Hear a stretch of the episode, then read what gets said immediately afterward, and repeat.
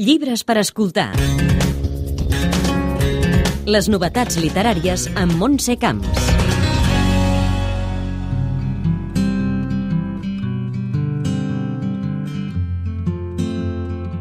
Arrenquem amb un crit.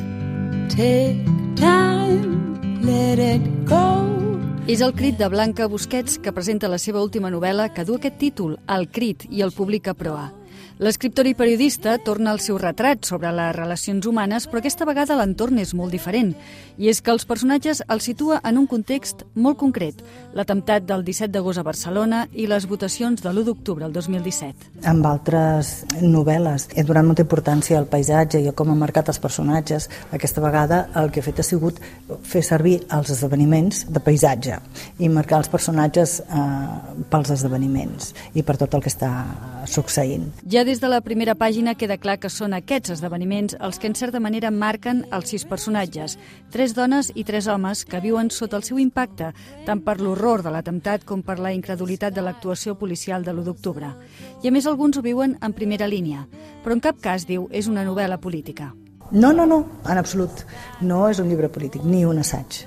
Uh, no, no, no té res a veure. Els esdeveniments marquen, però només marquen marquen i, i hi ha molta gent que s'hi veu implicada. A veure, és que no podem passar per l'1 d'octubre sense estar implicats d'una manera o d'una altra o encara que sigui tancant orelles i, i d'allò i, i tancar la finestra. Les seves històries es van entrellaçant al llarg de la novel·la que amb tot el que fa és explorar les relacions i l'amor.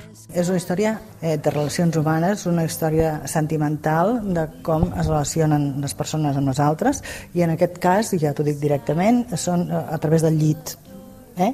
Vull dir que, que van lligats així en aquest cas, amb amor o sense, però, però hi ha llit pel mig, diguéssim. The wind tangles my hair.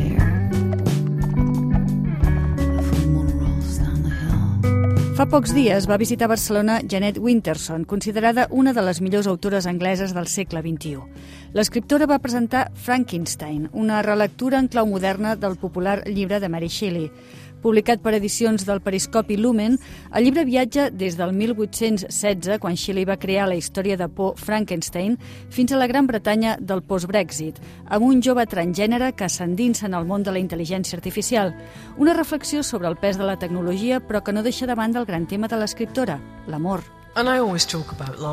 Sempre parlo d'amor als meus llibres, no perquè cregui que és una emoció exclusivament humana, sinó perquè és l'única cosa a la nostra vida que ens dona l'oportunitat de ser millors persones. Janet Winterson, de 60 anys, va ser adoptada quan tenia 6 setmanes per una parella evangelista molt estricta i va marxar de casa als 16 anys, després d'enamorar-se d'una dona. La seva vida la va explicar en un dels seus llibres més reconeguts, Per què ser feliç quan es pot ser normal? Una frase que li va dir la seva obsessiva i dura mare adoptiva quan ella li va dir que s'havia enamorat i que era feliç. La resposta la va impulsar a marxar de casa i començar una carrera brillant com a escriptora, referent del feminisme i autora d'un grup de títols premiats i molt recomanables, com aquest que us acabem de dir. I acabem amb algunes novetats més. L'editorial Anagrama i l'Ajuntament de Barcelona recuperen Diccionario del Franquismo que Manuel Vázquez Montalbán va escriure el 1977, amb il·lustracions de Miguel Brieva i pròleg de Josep Ramoneda. L'altre editorial publica Benvinguda a casa, l'autobiografia que la nord-americana Lucia Berlin va deixar acabada abans de morir el 2004. El seu fill Jeff la completa amb una tria de fotografies familiars i cartes. I acabem amb La teva ombra, de Jordi Nopka. Ja es pot trobar a les llibreries el primer Premi Proa de novel·la, una obra que parla sobre la identitat personal a través de la vida de dos germans que transcorren en paral·lel. I la veu que tanca l'espai és el recent Premi Cervantes, el poeta Joan Margarit. L'escriptor té l'última paraula. Estimar és un lloc. Perdura al fons de tot. D'allí venim. I és el lloc on va quedar en la vida.